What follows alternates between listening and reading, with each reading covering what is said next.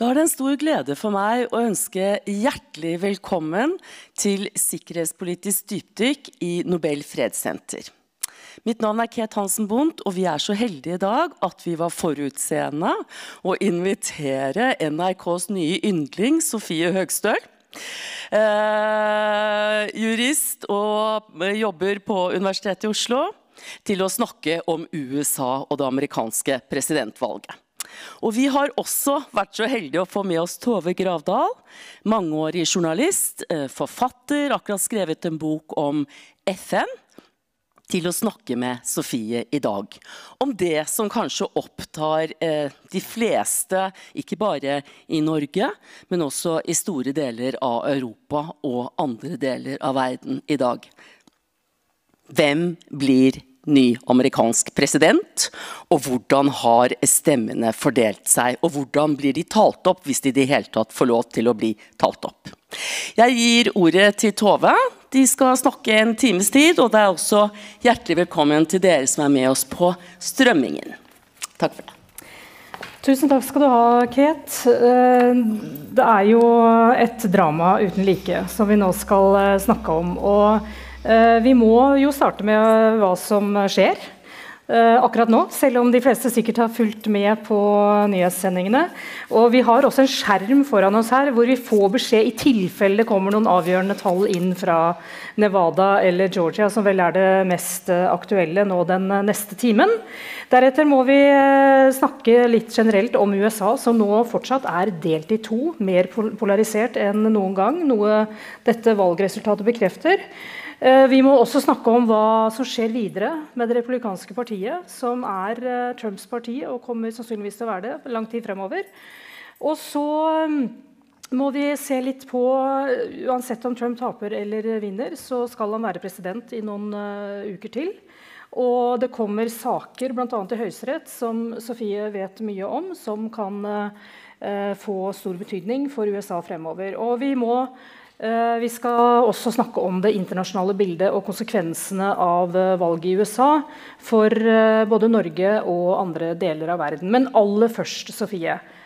Hva skjer nå de nærmeste timene og det nærmeste døgnet? Nå skjer det 3D-sjakk, føler jeg, sånn strategimessig. For nå er vi i ferd med å få de siste valgresultatene. Og nå er det masse strategi på begge sider rundt hva er den beste veien å komme ut av dette seirene. For Bidens del så tror jeg det handlet om å ta uh, grep om fortellingen ganske tidlig. Han valgte jo å gå ut før Trump på valgnatten, eller onsdag morgen norsk tid, og holde en liten tale. Og det var uventet, for det var jo mye snakk på forhånd om at det var Trump som ville gå ut først. Men jeg tror Biden eh, var ganske kynisk i å tenke på at nå skal jeg gå ut først, for jeg tror jeg kommer til å vinne dette. Men nå er, blir det ikke så overveldende vinn som jeg hadde trodd. Så nå må jeg gå ut og, og gi et budskap om at jeg er her, og jeg, jeg har troen på at jeg kan vinne. Ja, og Han gjorde det jo to ganger. Han var ute igjen uh, i Også går til kveld. Ja, og, og det, det, går nå rykter om at uh, altså, kampanjen signaliserer at, man, at han kommer ut i kveld også. Og Det tror jeg handler om å skape en fortelling. Han har lært litt av Trump, som er flink til å kommunisere, at uh, skal man sette eh, en eh, historie til livs, så må man gjøre det selv. Mens Trump på sin side han tvitrer, det ser vi jo, men han eh, har også nå satt i gang en eh, juridisk mm. prosess. Hva er det Trump nå forsøker å oppnå? Han har rett og slett igangsatt flere juridiske prosesser, altså flere søksmål. Jeg har ikke rukket å sette meg inn i alle av de, for de pågår nå. Eh, men han bruker da domstolene aktivt til å prøve å, å rett og slett eh, først og fremst kanskje gå på en del opptenningsproblemer som han mener at han har, eller hans støttespillere har vært vitne til. Han mener at, han ikke, han, at replikaner ikke får tilgang til å observere opptellingen av, eh, av, stemmer i Pennsylvania, og det da er et brudd på valgloven. Så han har gått inn med sånne søksmål, Men så er det jo også at han har lyst til at det skal være en ny omtelling i Wisconsin, hvor de har telt ferdig, og Biden ser ut til å ha vunnet staten. Hva var utsiktene til at han, at han, kan lykkes med det? Vi har jo allerede sett at uh, Høyesterett i Pennsylvania, altså mm. ikke føderalt, men i Pennsylvania, de sa jo ja til at disse mm. poststemmene som stort sett går i uh, Bidens favør, mm. at de, de, er tillatt. De, mm. de tillot at de skal telles nå etter at valgdagen uh, er over. Mm. Det var et stort tap for for Trump. Og det er jo det han fortsatt nå vil ha en omkamp om, eh, åpenbart. Absolutt. Og det vi ser at når Joe Biden kom ut i går For det, det vi må huske på med amerikansk kampanje, er at de har jo altfor mye penger og altfor mye stabspersoner. Så de teller jo selv. De sitter jo og teller på liksom, De har jo masse statistikkfolk selv.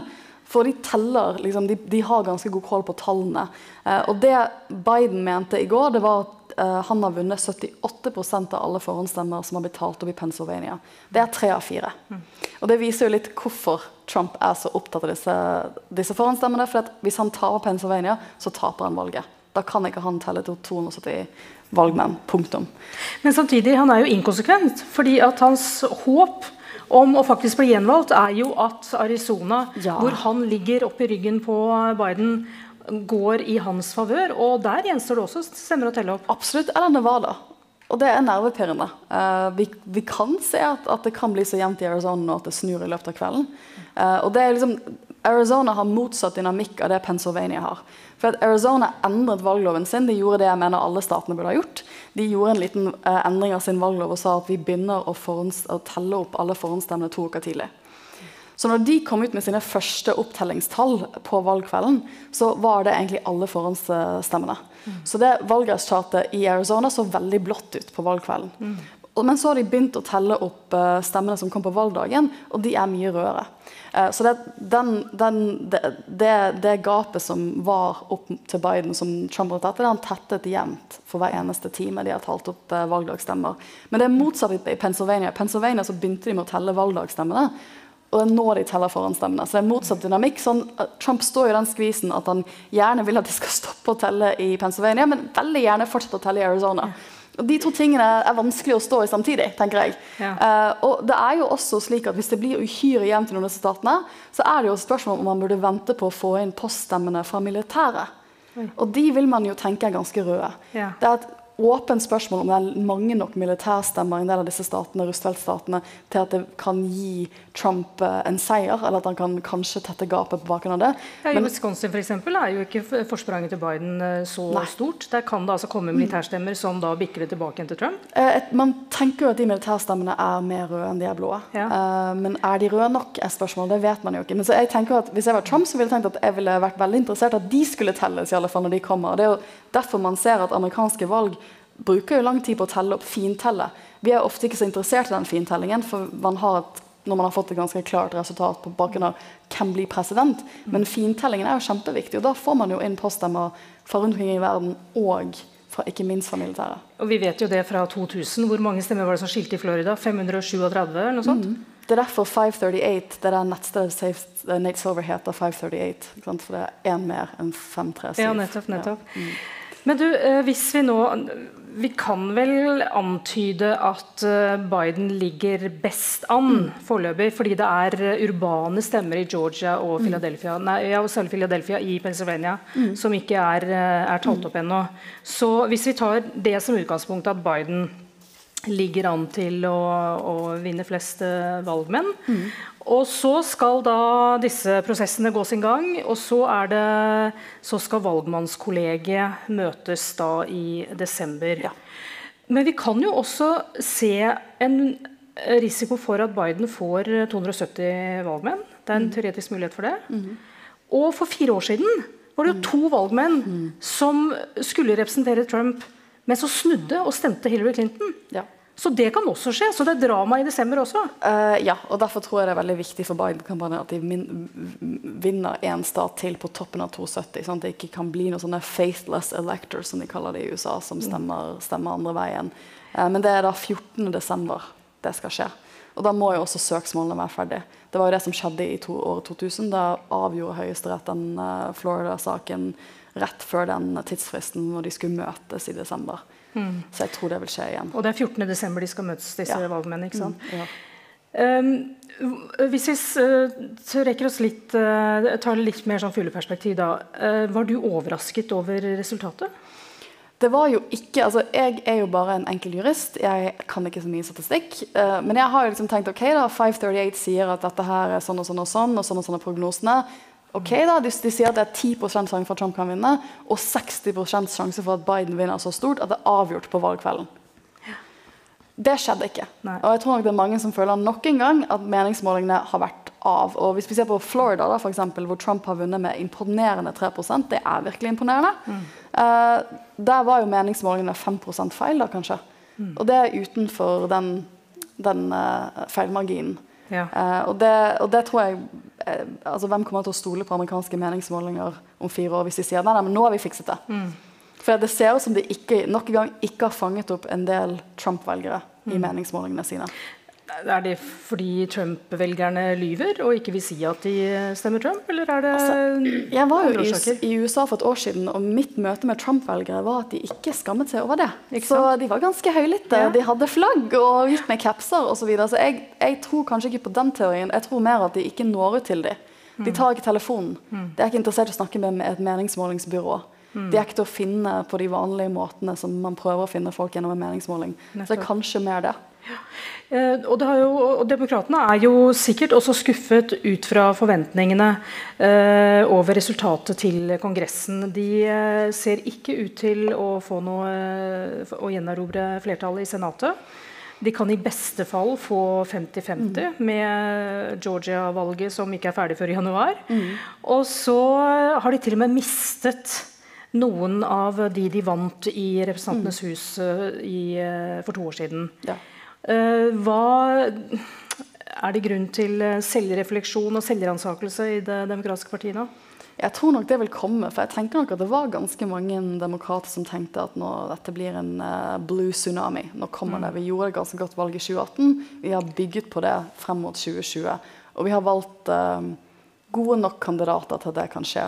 Men jeg tenker at eneste forbeholdet jeg tar, var at under um, lokalvalget for to år siden så så valgresultatet på valgdagen litt rødere ut enn det det ble til slutt. Mm. For det som skjedde nok en gang var at Man fintelte en del forhåndsstemmer. Mm. Eh, og så etter to uker så så det ut så hadde liksom demokratene gjort litt bedre valg enn det så ut på valgkvelden. Så det kan jo skje igjen. Mm. Vi, vi, har jo ikke sluttresultatet ennå. Mm. Men dette er no, vi kan nok si nå at dette er ikke det resultatet de ville ha. For ikke, jeg tror nok ikke Biden nødvendigvis opplever at han har fått den mandatet fra folket til å samle folket, mm. som det han har egentlig spurt om i flere måneder. Ikke sant? Og, men hvis nå Biden vinner, så må vi jo minne om det historiske i uh, den seieren. En ting er at uh, er, Han vinner da med det største antall stemmer noen gang i historien. Mm. Det ligger jo godt over 70 millioner nå. Og mm. så blir det altså for første gang en kvinnelig visepresident. Vi må jo ikke glemme det. Hvor, hvor viktig er det? Og hvor, i hvor stor grad kan også kanskje Kamala Harris ha skremt bort en del velgere som ikke vil ha noen kvinne inne i, på toppen i, i samfunnslivet? Det er et godt spørsmål. det blir veldig spennende å få som alle valgdagsmålingene og få et bedre blikk i hvorfor amerikanere har stemt sånn som de har stemt. Jeg tror et sånn tidlig varsko for at det ikke gikk mot en sånn blue tsunami på, var når vi fikk de første valgdagsmålingene, som viser at ganske mange sa at deres viktigste sak var økonomi. Mm. Og det jo, peker jo mot at, de, at, de, at de, det er Trump som har hatt mest sakseierskap rundt økonomi. Så for meg var det sånn tidlig pek, pekepinne på at dette ikke ble det valget demokratene hadde håpet. Mm. Men um, jeg tenker at Kamala Harris er interessant, for hun er jo, hvis hun blir visepresident nå, så er hun første kvinnelige visepresident. Første visepresident med minoritetsbakgrunn. Mm. Altså det er mange firsts. Mm. Hun tikker av mange bokser der. Og hun er jo en selvskreven kandidat til å bli president om fire år. For jeg er nok ikke av de som tror at Biden sitter i mer enn en periode. Mm, mm. Um, Men ja. vi må vel kanskje innse at uten pandemien mm. hadde Trump uh, Han hadde fått et valgskred, sannsynligvis? Ja. Eh, jeg, første gang jeg holdt foredrag for Urix eh, redaksjon i NRK om dette valget, var i februar. Det var rett før korona. Det, det føles ut som flere hundre år siden. Ja. Eh, det var de gode, gode glade dager når vi hadde seminar og man kunne klemme og sånne ting. Um, men da, da, var jo min analyse det jeg trodde, at Trump kom til å vinne valget ut ifra sånn som ting var da. Litt fordi at økonomien gikk så godt. Han var sittende president. Er du en sittende president med god økonomi, så får du gjenvalg vanligvis i USA. Mm. Og ikke minst, akkurat da var Det demokratiske partiet veldig splittet. Det var jo rett før, det var, Dette var som uken før Super Tuesday. Så det var uken før folk begynte, før uh, Pete Buttigieg og uh, Amy Klobuchar trakk seg mm. egentlig for å bane vei for uh, Joe Biden. Akkurat da så var det jo mest sannsynlig resultatet at det kunne blitt helt splittet mellom Joe Biden og Bernie Sanders. Ja. Men de samlet seg. Og så kom korona, som ødela økonomien, mm. og her er vi. Ja. Og nå, eh, det store spørsmålet nå, hvis igjen Biden blir erklært vinner, eh, så er det mange som frykter vold og opptøyer. Og at Trump vil stimulere de som eh, vil kanskje til og med ta til våpen for å forsvare hans angivelige frastjålne seier. Hvor stor er den risikoen? Det er, det er vanskelig å si, syns jeg. men man, det er jo litt håpfullt at nå er vi jo Dette er jo torsdag, ikke sant? Ja. ja det er torsdag. Eh, det, det, har jo ikke vært noen opptøyer. Det har jo vært tendenser til det. Vi ser jo noen, ser jo noen samlinger med protester og sånne ting. Men det har jo ikke vært vold ennå. Og jeg tenker at Hvis man får et klart valgresultat som andre eliter i det republikanske partiet støtter For det er kanskje mannen jeg er mest spent på i kveld, er jo Mitch McConnell. Mm. Jeg mener at Mitch McConnell er den største vinneren etter valget her. Og så leder, republikanernes leder, leder i Senatet? Ja. Mm. Ikke bare har han vunnet gjenvalg i Kentucky, så han sitter i seks år til. Mm. Det er gledelig for han. Og han, han er jo 82 eller noe sånt nå? er Han ikke det? Han er en voksen mann. Fall, han er 78. 78. Oh, ja, okay. ja. Mm. Han er en, en godt voksen mann mm. som har vunnet gjenvalg i seks år til. Og han vil nå, med mindre demokratene skulle gjøre noe så utrolig som å vinne to av begge disse senatsetene i januar fra Georgia, ja. så blir han fortsatt han å være sjef i Senatet. Mm. Og han har gjort det i mange år. Han er et maktmenneske. Han er utrolig flink til å stå i vanskelige kamper. Um, men han er jo også sånn old school republican. Han, jeg er veldig spent på å se hvis, hvis, det er klart at Biden kommer til å vinne i kveld ut ifra de siste statene, så er jeg veldig spent på å se om han ikke går ut. Han har jo lovet på Twitter at selvfølgelig skal vi respektere valgresultatet. Mm. Hvis han ikke da går ut og holder en tale og sier at vi anerkjenner dette valgresultatet her, og vi, vi bøyer oss for det. Vil han da få med seg resten av partiet? Altså Du har andre toneangivende personer mm. som Lindsey Graham, som er gjenvalgt fra South Carolina, Mike Pence, ja. visepresidenten f.eks. Tror du de vil følge Mitch McConnell hvis han eh, går Mike, ut og sier at vi skal respektere valget? Mike Pence har jo tonet litt det siste dagen, følte jeg. At Trump gikk ut med sin tale, som var veldig Trump-aktig. Biden gikk ut og holdt sin tale på valgkvelden. Og så to minutter senere begynte twitteringen, og så var han ute og holdt en veldig Trump-aktig tale. For meg. Men ja. så, kom, så, kom, Mike Pence ut og holdt en mye mer sånn forsone, nå skal vi se, og vi skal avvente resultat, og vi skal telle mm. ting. Og Det er jo tegn på at, det har jo vært hans rolle, da, men det er jo tegn på at hvis han også går ut, da bokser de jo Trump inne. Ja. Uh, men Trump har jo sin egen menighet. Han er jo nesten som en sånn sektleder eh, som da kan appellere til Proud Boys og andre militante grupper som ikke bryr seg om hva Mike Pence mm. gjør, og som da kan ta til våpen, rett og slett, og, og, og skape veldig mye kvalm i ukene fremover? Ja, og det, det, jo, det blir jo veldig interessant at det er kanskje den største jobben rådgiveren hans noensinne har fått. Mm. Det er å holde, holde han um, Det å gi han gode råd i timene ja, som kommer. Ja. Og det, det, de sier nå, er at han har jo ikke vist seg i offentligheten i dag så langt. Men det de sier, de som er rundt han til pressen, da, så det er jo 'leakers and liars', som han pleier å si. Men de sier jo at han er veldig sint. At han ring, ringer folk. Det er jo det ofte han gjør. Han ringer folk for å rante litt og snakke til dem. Ja. Så han ringer rundt nå og sier at det er ganske urettferdig. Ja. Sånn, de holder på å stjele dette for meg. Så han føler oppriktig mm. at dette er veldig urettferdig. Ja.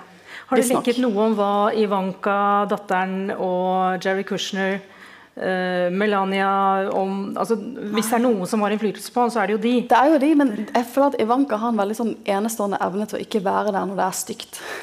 da er hun liksom på siden et eller annet annet sted. Og da stiller hun ikke opp på bilder. Mm. Uh, men de blir jo også viktige. Uh, og det er jo Steve Bann var ute forrige uke og sa at hvis Trump taper, så stiller han igjen i 2024. Ja, for det kan han. Det kan han. Uh, det, det er ikke noe imot Grunnloven. Nei, det er bare hvis du har sittet to perioder, da, du, da kan du ikke stille igjen. Så Obama kan ikke stille igjen. Mm. Han har sittet i to perioder. Men mm. det har jo da ikke Trump hvis han ikke vinner gjenvalg nå. Så han kan stille igjen i 2024. Det er jo folk som har stilt igjen, selv om de har tapt presidentvalg. Men kanskje ikke folk som har vært sittende presidenter. Men, men, da blir det jo veldig interessant å følge det republikanske partiet fremover. For da er det jo gitt at altså, Trump har jo fått rekordmange stemmer. Han har jo fått uh, mange millioner han har gjort et veldig godt valg. Og han har altså grepet på partiet. Og da er det en risiko forbundet ved å gå ut mot ham for mm. Mish McConnell og andre, de andre lederne i partiet. Og, og, da, og, og, Trump kan jo da dra ned til Mar-a-Lago og holde det gående og styre partiet og være medienes uh, sentrum i fire år og, og vinne valget. Altså, jeg tenker at Problemet deres er at hadde dette vært et veldig tydelig nei til Trump-signal vi hadde fått på tirsdag, så kunne nok en del av eliten som aldri har likt han i, det republikanske partiet, kvittet seg litt med han litt lettere. For de kunne sagt at oi, hvis, sånn, hvis et jordskjelv hadde skjedd og de hadde tapt Texas, mm. Da kunne jeg jo sagt at hvis vi, ikke kan, vi kan konkurrere i Texas, så er vi over som parti. Så vi må, vi må endre kurs. Men det er jo ikke det som har skjedd. Nei. Og det, nok, eh, det, det, gjør det nok med, altså, vanskeligere. For det at Trump har gjort et godt valg, og man, han kan nok selge inn med, med, med noe troverdighet at hadde det ikke vært for korona, så hadde han fått gjenvalg. Ja. Og hvis jeg var han, så er det jeg ville nok, ja. det ville nok ledet med det. Jo, det vi ser uh, foreløpig av valganalysene, er jo at han har økt oppslutningen blant svarte menn og mm. blant uh, menn med latinamerikansk bakgrunn. Ja. Og der, der, ligger det jo også et potensial for han da, i å utvide velgergrunnlaget? Han har gjort det uh, som mange har beskyldt ham for ikke har vært flink til å gjøre de siste fire årene, tydeligvis, som er å utvide basen sin noe, og, og særlig da i Florida Eh, med, med, Cuban Americans. Folk som har røtter fra Cuba, enten mm. det er første eller annen generasjon. Mm. Eh, og det er nok folk som har vært veldig mottakelige for budskapet om at eh, sosialisme er farlig. For klart, Hvis du har flyktet fra Cuba, så har du litt Du hører ikke norsk sosialdemokrati. når du og hører enda mer de som har flyktet fra Venezuela, som ja. er en, kanskje mm. kommet i senere tid. Mm. Så jeg tenker at det er velgere han tydeligvis har appellert til. Og de resultatene kom jo tidlig på valgkvelden. Mm. Uh, og det, det, å se Jeg var i Miami-Dade, som, uh, som, er det, som er det valgdistriktet som teller opp stemmer for Miami, mm. for et år siden. Og det å se på de opptellingene fra de stemmene der, det var interessant. Altså, for der, der, så du virkelig at der hadde han fått med seg en del folk folk ikke hadde trodd han skulle få med seg. Og, og, og, på den måten vant han har vunnet Florida med 3 som er utrolig imponerende. Ja. Og Det betyr jo at for demokratene det er jo et varselsignal. For de mm. har jo regnet med at de har masse å gå på når det gjelder latinobefolkningen mm. i Texas f.eks. At det bare er et tidsspørsmål mm. før Texas blir blå mm. og, og, stemmer demokratisk. Men det er ikke sikkert det er sånn, da, viser de resultatene i Florida. Ja, og jeg tenker at man, man får jo aldri stemmer gratis. Og det er veldig farlig å tenke at å, vi får kvinnestemmen for sånn og sånn og mm. sånn. Liksom. Er folk, folk, er mange, folk, er jo sammensatte og mangfoldige og har forskjellige interesser utover kanskje den lille boksen man har puttet i en sånn valgsetting. Det tror jeg alltid er viktig å, å, å huske. Men det andre er jo at det, altså det, er interessant å tenke på hva som skjer i republikanske. Men jeg er vel så interessert i hva som skjer hos demokratene. For det har vært veldig stille i rekkene der nå. Mm. Sånn, Alexander Ocasio-Cortez har vært veldig flink til å gå på TV og si at ja, jeg er jo enig med Joe Biden, men jeg gleder meg til å lobby ham når han blir president. Ja. Sånn, vi tar dette internt. Dette blir fint. Men nå må jo Biden komme med en del innrømmelser. Mm. Som kanskje blir vanskelig for han å gi, for han har ikke, antageligvis ikke flertall i Senatet. Mm. Så hvordan skal han tilfredsstille venstrefløyen i egen parti? Blir det da mer bråk? Og blir det en sånn analyse? Det er kanskje noen på venstresiden som tenker at vi, nå stilte vi den med, med, den mest moderate, kjedelige duden vi kunne finne. ja. Og det, det, appellerte ikke så bredt som det tanken var, da. Kanskje Nei. vi må, kanskje, nå, nå, er det på tide med noe mer progressivt og radikalt. Ja vi skal stille med neste gang. Ja, ja. Så den debatten tror jeg gjenopplives ganske snart. Og da kommer vi til eh, neste stikkord polarisering. Fordi eh, det er ikke noe tvil om at republikanerne har gått mer eh, til høyre. Mm. Og at kanskje alternativet for demokratene er også å gå ytterligere til venstre. Og valgresultatet viser at vi har et USA som er delt i to. Og du har skrevet om at, om noe, at, at USA er rammet av det som forskere kaller 'effective polarization'. Altså en følelsespolarisering. Ikke bare at de er delt mellom partier og i saker, men altså det er en sånn følelsesmessig mm. polarisering.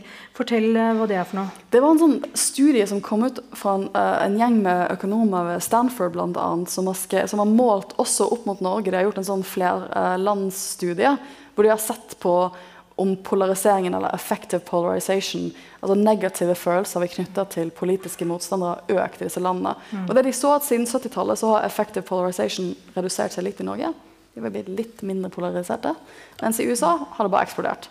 Og det de sier er at um, Nå har jeg håper jeg riktig tall i hodet her. Men det de sier at på 70-tallet, når man så på meningsmålinger da, så var det slik at når man møtte politiske meningsmotstandere, så eller når man møtte folk fra eget parti, så, så la man til 26 poeng da, på en skala fra 0 til 100, hvor 100 er best, ja. på hvor, om hvor mye, de liker, hvor mye du liker personen. Mens i dag så er man oppe i sånn 45-46 poeng. Hm. Det vil si at en, en, en, katt kan si at de er republikanere, og så er han 46 poeng med en gang. Mm. Sånn, hvis du tenker på det sånn, sånn, Verdens dårligste politiker, sånn en, objektiv 1 på en skala fra 1 til 100, mm. er jo plutselig da 47. Mm. Ganske ok. Ja. Og det sier jo hvis, hvis det, For meg et, det er jo en annen måte å se det på. er at Hvis du møter en ufattelig fin person fra et annet parti, som er på en objektiv skala enn 80, da, så raser de plutselig ned på 30-40-tallet. Og det er bare motivert ut fra følelser, Følelser. og fordommer Ja, om følelser og fordommer, hva- Det handler om at man betrakter denne andre personen som eh, ond, eller har onde hensikter. da. Dum, dårlig, uærlig. Alle disse, disse negativt ladede ordene her. Og det, det ga mye mening for meg. For en av de tingene man, som er veldig lett å tenke, er at denne polariseringen virkelig tar fyr med Trump. Og Trump setter nok ord på mye av det. Men hvis du ser en av de, han eh, satte en rekord i fjor på gapet på sånn eh, presidential approval. For amerikanere blir ofte spurt sånn Hvor fornøyd er du med presidenten? Og Hvis du ser på Trumps svar i fjor, så sa vel sånn eh, ja, 80-90 av republikanerne at supergod jobb. Ja. High approval. Ja. Mens det var bare 7% av demokrater som sa det samme. Så det gapet var på noen og 80% Det har aldri vært så høyt før. Men hvem har det nest største gapet? Jo, det var Obama. Siste året han var president. Ja. Uh, det var ikke så forskjellig. Der var det sånn 89-90% av demokrater som sa 'kjempebra jobb', og så var det bare 12% av eh, replikanere som sa det samme. Og det, det, jeg tenker jo litt som å, at det er som å gå med solbriller. At du ser folk på en helt annen måte hvis de ikke er fra samme parti eller ideologi som du tilhører. da. Ja. Og det er farlig. Ja. Og eh, Kristina Pletten, kommentator i, i Aftenposten, hun har pekt på at eh, denne, denne polariseringen virkelig skjøt fart under eh, Obama.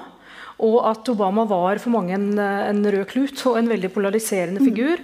Og hun eksemplifiserer det bl.a. med at eh, antallet sånne høyreekstreme, eh, ofte væpna grupper, var rundt 60 i 2008 og har økt til flere hundre eh, i dag. Og at dette tok skjøt fart under Obama. Så det er jo som du sier, det er en utvikling som har gått over tid, og hvor Trump da eh, har eh, båret ved, ved Fanget en tidsånd tidsånd rundt. Eh, det. Kanskje en av de bedre bøkene som ble skrevet om 2016-valget, handlet jo om at han satte fyr på hvit velgeridentitet Ja. på en måte som ikke har blitt gjort for før. Um, ja. Og hvilke muligheter har da Biden til å oppfylle sitt valgløfte? At han skal samle USA?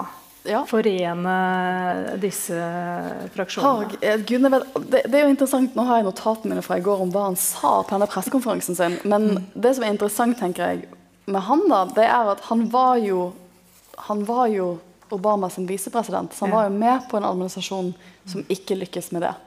Eh, men det han sa mot slutten av sin, ta, sin tale i går, det var at vi kommer til å representere alle. Sant? Vi kommer til å jobbe like hardt for folk som ikke stemte på oss, som de som har stemt på oss. Og det er ikke noen blå og røde stater. Men det var jo noe Obama ofte sa. For meg er det ikke noen blå og røde stater. Vi er bare USA. Så han prøver seg på litt av den samme retorikken. Men han må jo levere på det. Men det har vært hans store valgkampsbudskap, og nå har han kanskje fire år til å prøve.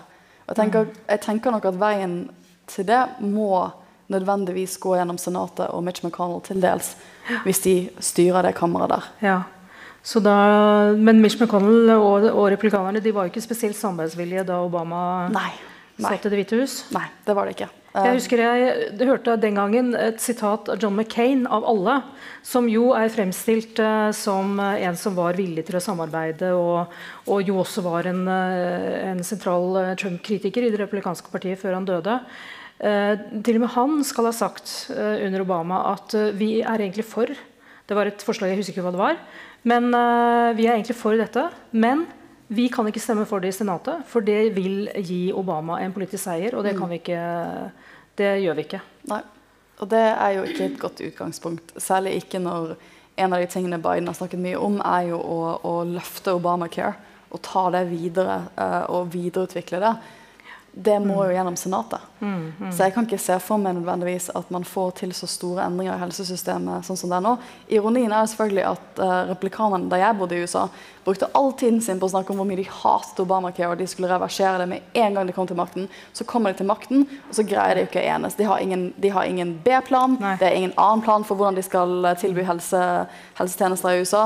De greier ikke å reversere det. Så det var sånn totalt mageplask etter mange år med syting. Um, så ja, kanskje, kanskje det vil gjøre at de er mer velvillige hvis det kommer noe på bordet som de kan like. da. Men det vil jo være å gi Biden stor seier. Ja. Eh, men apropos eh, Obamacare. Allerede på tirsdag er Obamacare, altså denne helsereformen, omfattende helsereformen som har ført til at 20 millioner flere amerikanere har fått helseforsikring, den skal opp i Høyesterett. I en sak som heter California mot Texas. Mm. Eh, og nå er altså Høyesterett eh, fylt av eh, angivelig Trump-vennlige dommere. Han har utnevnt tre av de ni dommerne i Høyesterett, og det er et konservativt flertall i uh, Høyesterett. Og det er helt opplagt at republikanerne ønsker at denne saken skal bli en sånn prøvested, og at Høyesterett skal gjøre det de ikke klarte i Senatet, nemlig å bli kvitt Obamacare. Eh, fortell oss litt, Du er jurist, du kan Høyesterett. Hva er det som skal skje i Høyesterett nå? Det dette handler om, Jeg er ikke helseekspert. Jeg, jeg, jeg, hadde, jeg, skrev eksamen min i American Constitutional Law da jeg var på Georgetown om det første søksmålet i 2012. For det var liksom, Høyesterett skulle avgjøre det det semesteret jeg tok Constitutional Law. Så vi hadde det som eksamen. Det mm. kunne jeg egentlig gjeffe meg til. Uh. Men det som, det som det søksmålet gikk på, ut på i 2012, det var om kan federale staten gjøre noe sånt kan de pålegge helseforsikring til delstatene på denne måten. For Det er jo forskjellen mellom USA og Norge. Det er en federal stat. Den federale staten har begrenset med makt. Delstaten har myndighet over visse typer saksområder. Og federale staten kan ikke bare gjøre ting hvis det ikke er maktfestet i Grunnloven. At du kan peke på en bit av Grunnloven og si at den grunnlovshjemmelen der gir oss hjemmel til å lage dette. Og jeg skjønner jo, Så det var, liksom, var 2012-saken. Mm. Eh, og der endte jo han som nå er høyesterettsjustice, altså Chief Justice Roberts, med å skrive flertallsbestemmelsen og si at ja, det er en skatt. Og den mm. federale staten kan skattlegge. Ja. Men det var også litt sånn mm, jeg skjønner, jeg skjønner hvorfor konservative syns det var en vanskelig sak, for det er litt uklart det er et litt sånn uklart hjemmelgrunnlag igjen mm. om den federale staten ja. kan gjøre det akkurat på den juridiske måten Obama-administrasjonen har gjort det på. Mm. Um, det er nok mange konservative som liker helseforsikring, som mener at dette burde delstatene gjøre på den veien. Det er den veien ja. man får dette til. Det uten, prøvd, ja. uten, et føderalt påbud, ja. Ja, uten et mm. føderalt påbud. Mm. Det er jo noen stater som California som har ganske, ganske gode helsesystemer. At mm. det burde gå fra stat til stat-nivå. da. Ja. Så det er sånn klassisk, klassisk debatt om maktfordeling mm. og republikk og føderalstat mm. som dette handler litt om. da, For å forklare hvorfor det er viktig for en del folk. Ja. Um, men hva handler søksmålet om nå? Det handler jo om, um, om noe, en bit av det. da. For Nå har de sagt at hele loven er lovlig, men at om en bit av det kan allikevel være grunnlovsstridig. Og det handler jo om, um, om, om folk som ikke da har forsikring uten dette. her. Så hvis dette skulle gå gjennom amerikansk høyesterett, så sier de at 20 millioner amerikanere vil miste helseforsikring. Ja, nettopp. Og dette blir jo nå et uh, vasketak i Høyesterett uh, ja. som går utover 20.1, når uh, neste ja, edsavleggelse skal, skal, foregå. De hører saken neste uke, men jeg antar de kommer til å krangle om denne dommen i flere måneder. At vi ikke får dommen. Mm. For de, de, må jo bli enige, disse dommerne. De må jo finne et eller annet flertall. Det kan ta litt tid, for det er et vanskelig spørsmål, tror jeg. Men det er jo liksom, når, du, når vi sier sånn, hva er en konservativ dommer, det, får, det spørsmålet får jeg veldig ofte. Ja. Det kan jo bety forskjellige typer ting, men det betyr jo ofte at man har et veldig sånn strengt uh, syn på maktfordeling mellom delstatsnivå og federalnivå. Det kan mm. bety at man, har, man, ønsker å tolke den amerikanske grunnloven så ordrett som mulig, og ut ifra en ordlydstolkning da den ble skrevet. Mm. Og da er vi inne i abortspørsmålet. Ja, Hvis du tolker den amerikanske grunnloven slik den var skrevet, så er det ikke noe om abort i den amerikanske grunnloven. Det, noe, det, var, ikke, det var, ingen intensjon om det. Nei, og da er vi inne i ACB, ja. Amy Coney Barrett, som ja. er den nye Ruth Bader Ginsburg ja. i amerikansk høyrestat. Og hun vil, mener jo ja, Vil hun gjøre det en så stor andel av Trumps velgere ønsker? ikke sant, Å fjerne retten til abort i eh, USA? Jeg tror det hun kommer til å gjøre, og det, det man har lagt opp til lenge For dette har vært en lang juridisk kamp fra republikanske eh, velgergrupper. Det er at istedenfor at de kommer til å oppheve Road versus Wade, og si at vi bare opphever hele den dommen. Som, som, er den som gir mulighet for ja, abort den, i USA? Det den, den, dette er jo dommen fra 70-tallet som sier at alle delstater For det, USA har ikke en federal abortlov. Mm. Hadde de hatt det, så hadde det blitt et spørsmål om de kan gjøre det. Men altså, hadde de hatt det, så hadde det ikke etter hvert et spørsmål. Men mm. USA har ikke en federal abortlov. Det betyr at Inntil 70-tallet så hadde alle delstatene en egen abortlov. Det har de jo for så vidt fortsatt. Mm. Men så kommer Høyesterett inn og sier at vi tolker deler av den amerikanske grunnloven dit hen at en kvinne har en grunnlovsfestet rett til abort innen tre måneder. Mm. Og da påla de alle statene, også de som ikke hadde eh, ikke tillatt abort, om å tilby aborttjenester inntil tre måneder. Mm. Um, men den dommen har jo vært gjeldende i 50 år nå. og det, jeg tror at det, Istedenfor å oppheve og bare si at vi opphever bare Roe vs. Wade, en dom vi har anerkjent i 50 år mm. For det sitter også litt langt inne hvis du er en konservativ dommer. for jeg liker det skal, det skal være litt sånn konsekvent, konsistente beslutninger over tid. Ja. Men det man nok heller vil gjøre, det er at mange av delstatene har begynt å teste liksom, kan vi, hvordan kan vi begrense abortretten og fortsatt holde oss innenfor denne høyesteretts, høyesterettsflertallet. Da. Mm. Og da, det jo for da si at okay, ja, Hvis du har lyst til å tilby aborttjenester i Alabama, så må du ha en full kirurgisk enhet med andre ord være et sykehus. Ja, og ja, men Da stenger alle abortklinikker unntagen én, kanskje i hele delstaten. Ja. Da har du ikke gjort abort lovlig, men du har ikke tilgang på det Nei, i praksis som kvinne. Eh, og Det er veien, og det har mange av disse delstatene i sørstatene begynt å gjøre. Og de, og de søksmålene er på vei til Høyesterett. De er allerede oppover i systemet. Og det er jo ikke, over, det er ikke å oppheve Roe vs. Wade. Nei. Det er bare å uthule det slik at det ikke har noe betydning lenger. Nettopp, nettopp. Og da vil du skape den dynamikken at rike kvinner i Alabama vil kunne reise til New York for abort, men fattige kvinner vil ikke ha reelt sett ha mulighet Men så er det jo da ikke sikkert at disse dommerne kommer til å lande på de avgjørelsene som Trump og hans eh, mm. kristenkonservative velgere ønsker at de skal. Og et eksempel på det var jo eh, i sommer, da Brett Kavanaugh Vi husker jo kampen om Brett Kavanaughs uh, nominasjon i mm. Senatet, hvor han var beskyldt for seksuell trakassering av en kvinne mens han var tenåring. Og, og det var jo han som nå i juli skrev forklaringen i Høyesterett da Trump gikk på et stygt tap for ham. da, mm. eh, Fordi han hadde tatt til Høyesterett eh, Han ville at Høyesterett skulle gi ham eh, immunitet, rett og slett. Sånn at han slapp å utlevere skatteopplysninger til mm. noen rettssaker eller noen, noen saker som I pågår i New York. Og det var Brett Kavanaugh som at, som slo fast at ingen er hevet over loven, selv ikke du. Ja, og En annen sånn vakker vakker sak som jeg ikke skulle tro er altså en dom som kom som jeg tror også tok mange, mange ble veldig overrasket over, var at det var Neil Gorsuch som var den andre mannlige konservative dommeren som Trump utnevnte den første. Mm. Han skrev en lang og nydelig ganske vakker dom om hvordan man må uh, tolke uh, gender, altså sex, i uh, diskrimineringsloven til USA. Dit hen at den også beskytter homofile og skeive. Ja, det, sånn, det, det, var ordlydstolkning. Det, det, de bruker det ordet der. Mm. Jeg er en konservativ jurist. Jeg tolker ordlyden. Mm. Vi må også forstå den slik at det også betyr at uh, hvis du da er jente og har jentekjæreste, så er du egentlig diskriminert på bakgrunn av kjønn. Ja. Og det tror jeg nok også ikke så mange konservative personer som hadde jobbet lenge for at han skulle bli høyesterettsdommer, mm. trodde han skulle skrive. Mm. Så det, eh, jeg, man, ikke, jeg, jeg forhåndsdømmer ikke disse dommerne ut ifra hvem som har utnevnt dem.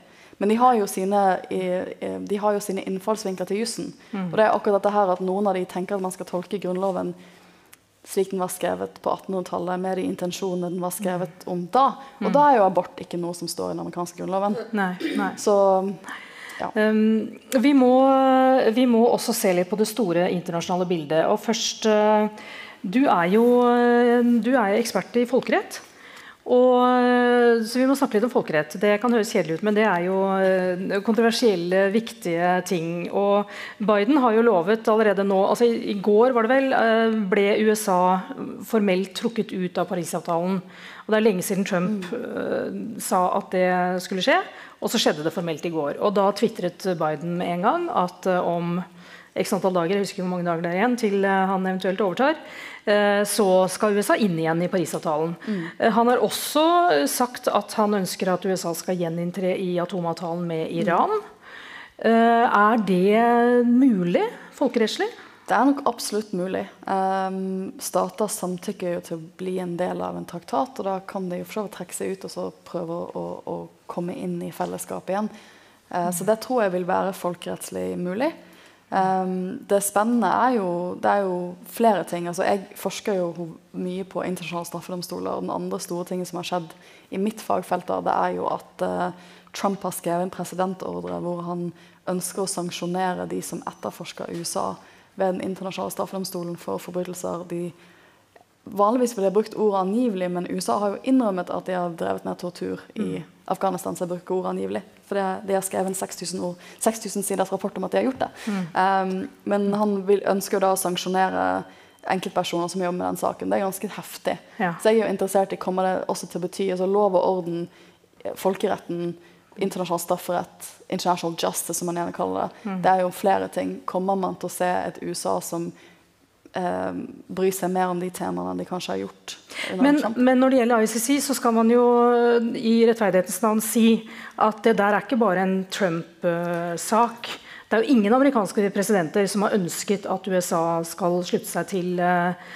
ICC, som bl.a. Norge var med på å danne grunnlaget for på 90-tallet. Absolutt, men det er vel ingen amerikansk president som har gått så langt eh, som Trump har gjort i å faktisk jeg, jeg tror det man gjorde under Obama, var å holde en litt distanse fra domstolen. Men man, man, man, var sånn, man, man levde sine liv, og så plaget man ikke hverandre for mye. Det er klart at det er en litt annen setting nå som de har begynt å etterforske i USA. Jeg tror ikke Obama hadde vært kjempefornøyd med det, for Obama Nei. ville ikke åpne opp det kapittelet. Han ville ikke ha rettssaker. eh, eller flere rettssaker på bakgrunn av torturprogrammet til CIA. Så han hadde jo ikke vært fornøyd, men det å gå det er jo knapt et, et annet regime som har gjort det, å si at vi går etter altså statsadvokater og etterforskere som jobber med saken personlig. Mm. Men sier ikke statuttene til ICC at man ikke kan etterforske eh, borgere i land som ikke er part i ICC-statuttene? Det står ikke det. Det det står, er at ICC kan etterforske en sak på tre grunnlag. Det første grunnlaget er hvis Sikkerhetsrådet sender inn saken. Det har Sikkerhetsrådet gjort i Sudan, f.eks. Så det er derfor Sudan er jo absolutt ikke medlem. Og vil ikke være medlem, vil ikke, vil ikke være gjenstand for den domstolen. Men Sikkerhetsrådet har sendt den inn. Så det er det nærmeste man har sånn universal jurisdiksjon. Det er at Sikkerhetsrådet sier at denne konflikten der sender vi til ICC, og da kan ICC etterforske. Det andre to grunnlagene enten er, har, uh, enten er det en statsborger for et medlemsland, som du og jeg, så hvis vi begår krigsforbrytelser, uansett hvor vi gjør det, så kan ICC straffe oss um, under visse vilkår. uh, fordi at vi er statsborgere av Norge, og Norge er medlem. Men den tredje grunnlaget er at det skjer på territoriet til et land som er medlem. Ja. Da, det, det, det står ikke at det bare gjelder for de som er statsborgere innad i det landet. Det er, det er territoriet som avgjør. Det er hvor det har skjedd. Og det er der amerikanske borgere Og det er der amerikanske borgere blir rammet. Ja. Mm. Så de, kan ikke, de kunne ikke ha eh, etterforsket dette hadde det ikke vært for Afghanistan er medlem. Nettopp. Ja. Og, og Trump har jo innført sanksjoner i form av at uh, ICC-dommere og etterforskere de får ikke lov til å komme inn i USA. så vidt jeg skjønner. Ja. Og, så det blir jo et spørsmål om Biden, eh, hva han gjør med det. Og Det er kanskje ikke hans første prioritet. Det er Han hans jo- første prioritet, men jeg syns det er spennende. Men eh, det er jo eh, altså Trump er jo ikke kjent for å være spesielt glad i internasjonalt samarbeid i FN. Han sa i FNs generalforsamling i fjor at fremtiden tilhører ikke globalister, den tilhører patrioter, sa han. Han har jo eh, under hånden visstnok snakket om at han kunne tenke seg å melde USA ut av Nato, eller trekke USA ut av Nato. og han eh, Eh, Verdens handelsorganisasjon står i stampe nå pga. USA. Han har trukket USA ut av FNs menneskerettighetsråd, ut av Verdens helseorganisasjon. Kan Biden liksom bare gå tilbake igjen på, på alt dette her? Altså, jeg tror nok at eh, en del Nato-medlemmer håper at det er mulig. Ja. Eh, om det er mulig, det vil jo tiden vise. Um, og, hva, og jeg tenker jo Det er litt, også litt interessant, for en amerikansk president har jo mye selvstendighet i utenrikspolitikken. Det er mye de kan gjøre alene. Der har de ganske mye makt uten å måtte, uten å måtte gå gjennom Kongressen. Men for å utnevne ambassadører så er jo det også noe som må Senatets godkjenning til. Så vi skal jo inn i Sikkerhetsrådet i januar. Eh, og der skal vi jo sitte med en amerikansk ambassadør til Sikkerhetsrådet. Og det vil jo bety nå at uh, hvis eh, Noen har jo snakket om at kanskje man burde utnevne Alexandria Ocasio-Cortez som FN-ambassadør. Tenk at Det blir det ikke hvis det blir et, eh, et senat som er styrt av republikanerne. Kanskje i første omgang. Men det blir kanskje en Pete Buttigieg. Ja, Det er mulig. det er Men så, de får jo en liten hånd på rattet, for det er jo også senat som skal godkjenne ambassadører. Så de får jo litt, de litt utenrikspolitiske innflytelse ut ifra hvilke personer som kommer til å representere USA. Men jeg er veldig spent på å se hvordan uh, europeiske ledere reagerer i kveld hvis det ser ut som det blir Biden, om det er sånn lettelse og masse blomster og hyggelige Twitter-meldinger og ja, nei. Og, og kan, det, kan, det, være litt skummelt, egentlig? De, hvis vi ser på debatten her i Norge, f.eks. Under Trump så har det jo vokst frem en viss uro over uh, fremtiden til Nato. Mm. Og Norge lener seg fullstendig på mm. Nato for forsvaret av vårt land. Mm. Uh, men vi ser jo ikke noe særlig debatt om alternativene. Mm. Og så kommer kanskje Biden tilbake igjen til Det hvite hus, og vi kan liksom slappe av litt. Uh, er, det en, er, det litt skummelt? Fordi, som vi har snakket om før, Trump kan jo komme tilbake. Trump kan komme tilbake, og jeg er også interessert i å se om man trekker, om demokratene trekker sin utenrikspolitikk i en mer sånn inn, innoverskuende linje. For jeg ble spurt her om dagen å være med på panelet om liksom, hva er fremtidens sikkerhetspolitiske utfordringer sånn 2030. Og da tenkte jeg hva er egentlig sikkerhetspolitiske utfordringer i 2030? Og da fant jeg frem til en sånn um, internrapport som var skrevet av The National Intelligence Council i USA. Om sånn global trends og hvor man er i 2030. Og Da skisserer de noen sånne scenarioer for hvor man kan være. Og det, Dette kom ut i 2012, så det er litt interessant å se på det nå yeah. i 2028 år senere. da, yeah. Etter fire år med Trump. Etter, vi har litt sånn tilbakeblikk. Kanskje et mer kritisk forhold til hvordan Obama var utenrikspolitisk mot slutten. Mm. Uh, og der, en, av de, sånn, en av de potential, for De har sånn fire verdensfremtider de ser. Og en av de er jo at USA De kaller det 'in the most plausible worst case scenario'. The risk of interstate conflict increases, and the US draws inwards, and globalization stalls. Mm. Jeg tenker sånn, Er det ikke kanskje der vi er akkurat nå? Mm. Mm. Uh, og den trenden begynte jo litt under Obama. Jeg vet ikke om noen av dere har sett på I think it's called The Final Year, som er en sånn dokumentarfilm på Netflix hvor man får uh, ut ifra Vi snakket om det yeah. tidligere i dag. Uh, hvor fokuset egentlig er på Samantha Powell, som var Obamas FN-ambassadør, som er utrolig idealistisk, har skrevet doktorgrad om folkemord og hele pakken, mm. og sitter der i Sikkerhetsrådet under siste årene for Obama i, mens Syria-konflikten pågår, og ser egentlig på at et aktivt folkemord skjer, uten å kunne gripe inn selv. Du, du ser jo hvor vanskelig det er for henne. Det mm. siste året for Obama utenrikspolitisk. Den Dokumentaren starter jo med det som utgangspunkt, men så sklir den jo etter hvert over det faktum at Trump vinner valget. Og jeg, tror kanskje Den tristeste scenen i den, uh, i den dokumentaren der er når um, Samantha Powers har invitert alle de kvinnelige FN-ambassadørene til en valgvake 2016. Mm. Glass ceiling is gonna be you know, broken, og nå kvinnemakt. Og du bare ser liksom, fjesene bli lenger og lenger og lenger og lenger desto utover kvelden det går. Mm. Det var veldig interessant. Men det, var, det interessante er at du ser at han, en del av de andre utenrikspolitiske rådgiverne til, Trump, uh, til, uh, til Obama er litt sånn Oi, har vi gjort en del de trodde de skulle være maktstafetten mm. videre til ja. Clinton. Og da er de sånn Oi, burde vi gjort noe mer i Midtøsten? Ja. Vi, hadde vi visst at det var Trump som kom etter oss, hadde vi kanskje engasjert oss mer aktivt i Syria. For det, En av de konfliktlinjene i den eh, dokumentaren der er at Samantha Powell vil at man skal engasjere seg tydeligere i Syria-konflikten, mens Obama prioriterer eh, klima. Mm. Parisavtalen atomavtalen. ting, for, og, så, og, så, spør de jo han, en av rådgiverne hans uh, som er, uh, og så sier de, ja, vi har prioritert så sier liksom egentlig vi har prioritert disse tingene her, for det vil stå seg over tid. mm, mm. Oh, fire år senere så er de to tingene man har svidd av mye utenrikspolitisk ja. tid på, de, de, har jo Trump tok seg ut av. Ja, ikke og, og, Trump har jo reversert uh, Obamas politikk i Midtøsten ja. ganske kraftig. Absolutt. Først med å trekke seg ut av atomavtalen med Iran, og så gjenopprette USAs veldig veldig tette kontakt med Saudi-Arabia. Til tross for at USA ikke lenger er avhengig av mm. den oljen som Saudi-Arabia eh, produserer. Mm. I tillegg har han uh, stilt opp veldig lojalt overfor Israel. Mm. Og vi må jo bare peke på at nå, bare de siste månedene, så har Trump greid å hanke i land. Hvor mye det er hans fortjeneste, eller om det hadde skjedd uansett, det kan man jo lure på. Men han har i hvert fall fått til en avtale mellom Israel, Bahrain, eh, De arabiske emirater og Sudan. Eh, hvor de anerkjenner Israel og normaliserer forholdet til Israel. Mm. Og palestinerne er eh, plassert helt i skyggen. Mm. Og, og, dette er jo på en side bra for samarbeidsklimaet i Midtøsten. Mm. At det normaliseres et, et forhold til, et, til Israel som er kommet for å bli. Og så er det ikke bra for palestinerne, fordi en fredsavtale, endelig fredsavtale mellom palestinerne og Israel den, det er jo helt i det blå. Uh, og kan, altså Biden har jo lovet at uh, ambassaden, den amerikanske ambassaden som har flyttet til Jerusalem under Trump, den blir værende der. Men vil vi se en ny sånn reversering? At Biden holder avstand til Saudi-Arabia igjen, sånn som Obama gjorde? For jeg, tenker, man, jeg tror nok mange håper at han kommer til å ha det litt mer normalt da, forhold til allierte. At han snakker mm. bedre med Frankrike og Tyskland enn han gjør Saudi-Arabia og Russland. Mm.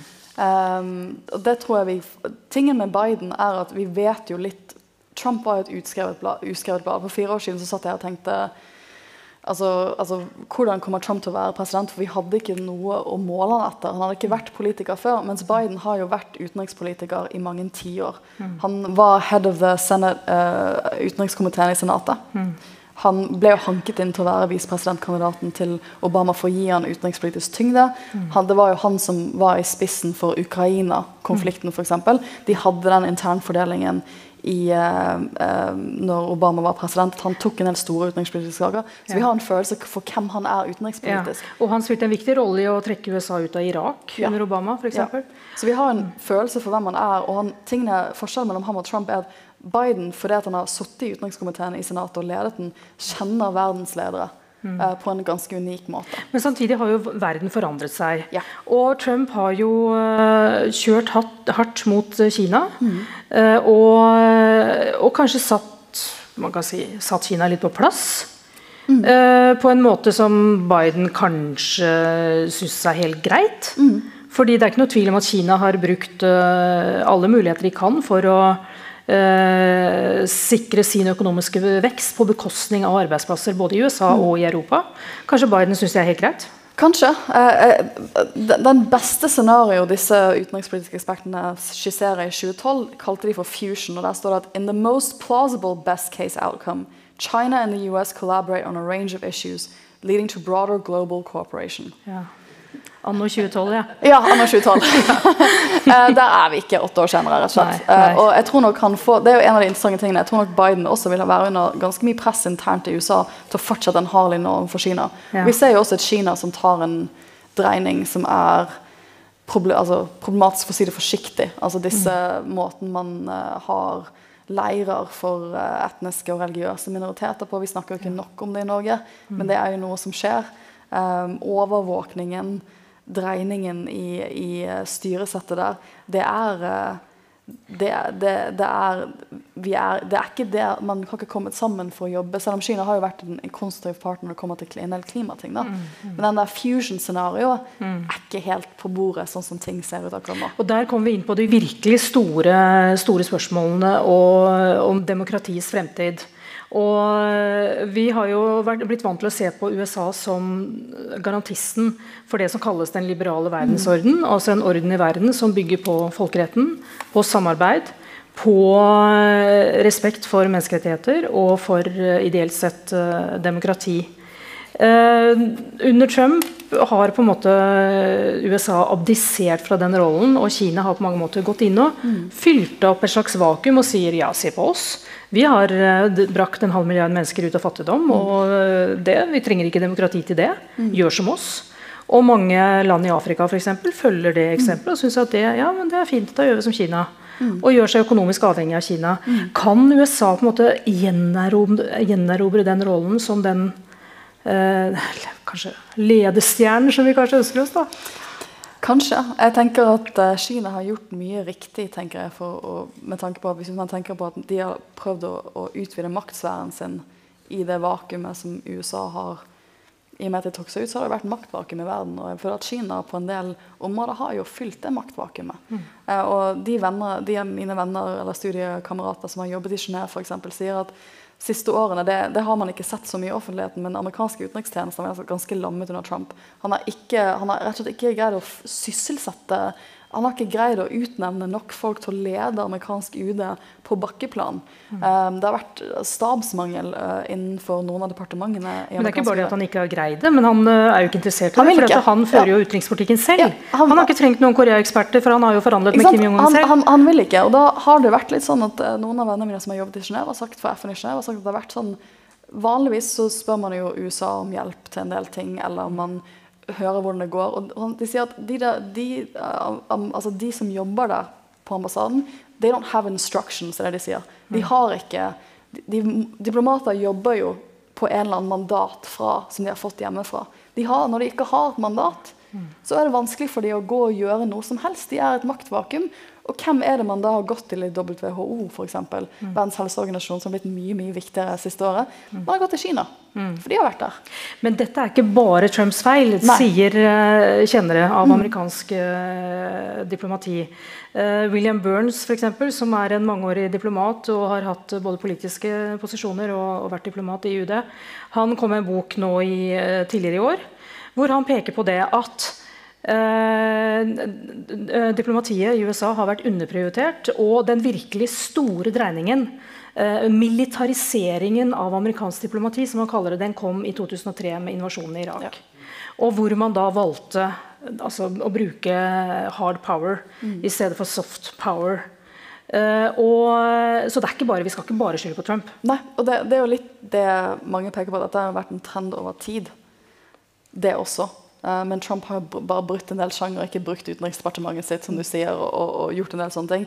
Og jeg tror nok det er ganske mange folk i faget i Badam hvor de har, som er det stedet de amerikanske utenriksdepartementet har kontorer, som er veldig lykkelige i kveld. Ja. Hvis det går mot det de går. Men jeg tror det de håper på også, er å bli prioritert. Ja. Uh, og jeg, jeg, tror de håper at en mann som har ledet senatets utenrikskomité, vil evne å kunne sette de i bruk og kunne bygge de opp igjen. Og det sitter mange klare på tankesmiene i Washington og ja. Samantha Power oppe i Concord i Massachusetts. Ja, ja. Så jeg tenker de sitter klare ja, altså, og akkurat, venter på telefonen fra Biden. Nå i Washington DC så begynner nok en del demokrater å posisjonere seg for alle toppstillingene. Og det kommer til å bli stygt og fascinerende å se på fra utsiden. For de har jo vært ute i fire år. Ja.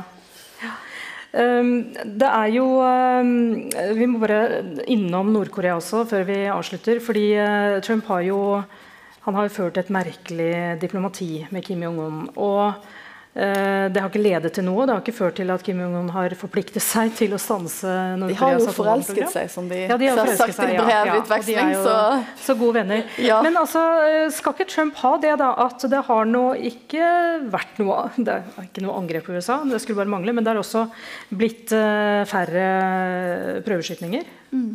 At trusselnivået kanskje er litt lavere enn det var i i 2017, da, da, Trump omtalte Kim som 'the rocket man'. jeg var i Japan en liten periode når disse Twitter-meldingene pågikk, og folk var ganske stresset. Ja, ja. Mm. Uh, men ja, man har jo prøvd noe helt annet i fire år. Uh, kanskje man, Vi får se hva, hva Biden velger å, å, gjøre. Det som er interessant med Nord-Korea nå, er egentlig hvem som styrer. Altså, det har jo virket som han har vært litt syk. Det har jo vært det som har vært ryktet. Altså, mm. Kim Jong-un har vært han har vært borte fra offentligheten. Plutselig har søsteren hans vært på mye med flere arrangementer. Ja. Så det er jo internintriger der mm. også. Mm. Men det er jo det store Mange mener jo det kommer ut en sånn utrolig knusende FN-rapport i 2014 om, uh, om Nord-Korea og om vanlige folks levekår i Nord-Korea, som kaller det egentlig en massiv konsentrasjonsleir. Ja. hele landet. Ja. Uh, for det, de, de, de, det er ingenting å måle det med. Det, det er jo, Hvis man skal tenke på nederlag for internasjonal fred og sikkerhet og mm. rettferdighet, så er det at man ikke har greid å gjøre noe for det nordkoreanske folket. Mm. Vi, jo, vi, snakker jo selvfølgelig om det fra et sikkerhetspolitisk ståsted, og det er forståelig eh, når de prøver å få atomvåpen ja. eh, og driver med rakettskyting, men det er jo det, sånn, det, langvarige for folk i Nord-Korea. Det tenker jeg mye på. og der er jo i hvert fall USA nødt til å jobbe sammen med Kina for i det hele tatt å bevege Nord-Korea. Eh, aller sist, eh, nå Norge kan puste litt lettet ut hvis Biden nå blir president. Og, og, vi skal inn i Sikkerhetsrådet 1.1, og det blir som natt og dag.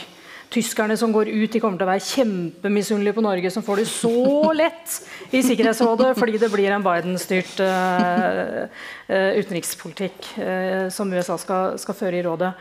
Men har vi grunn til å være, være lettet?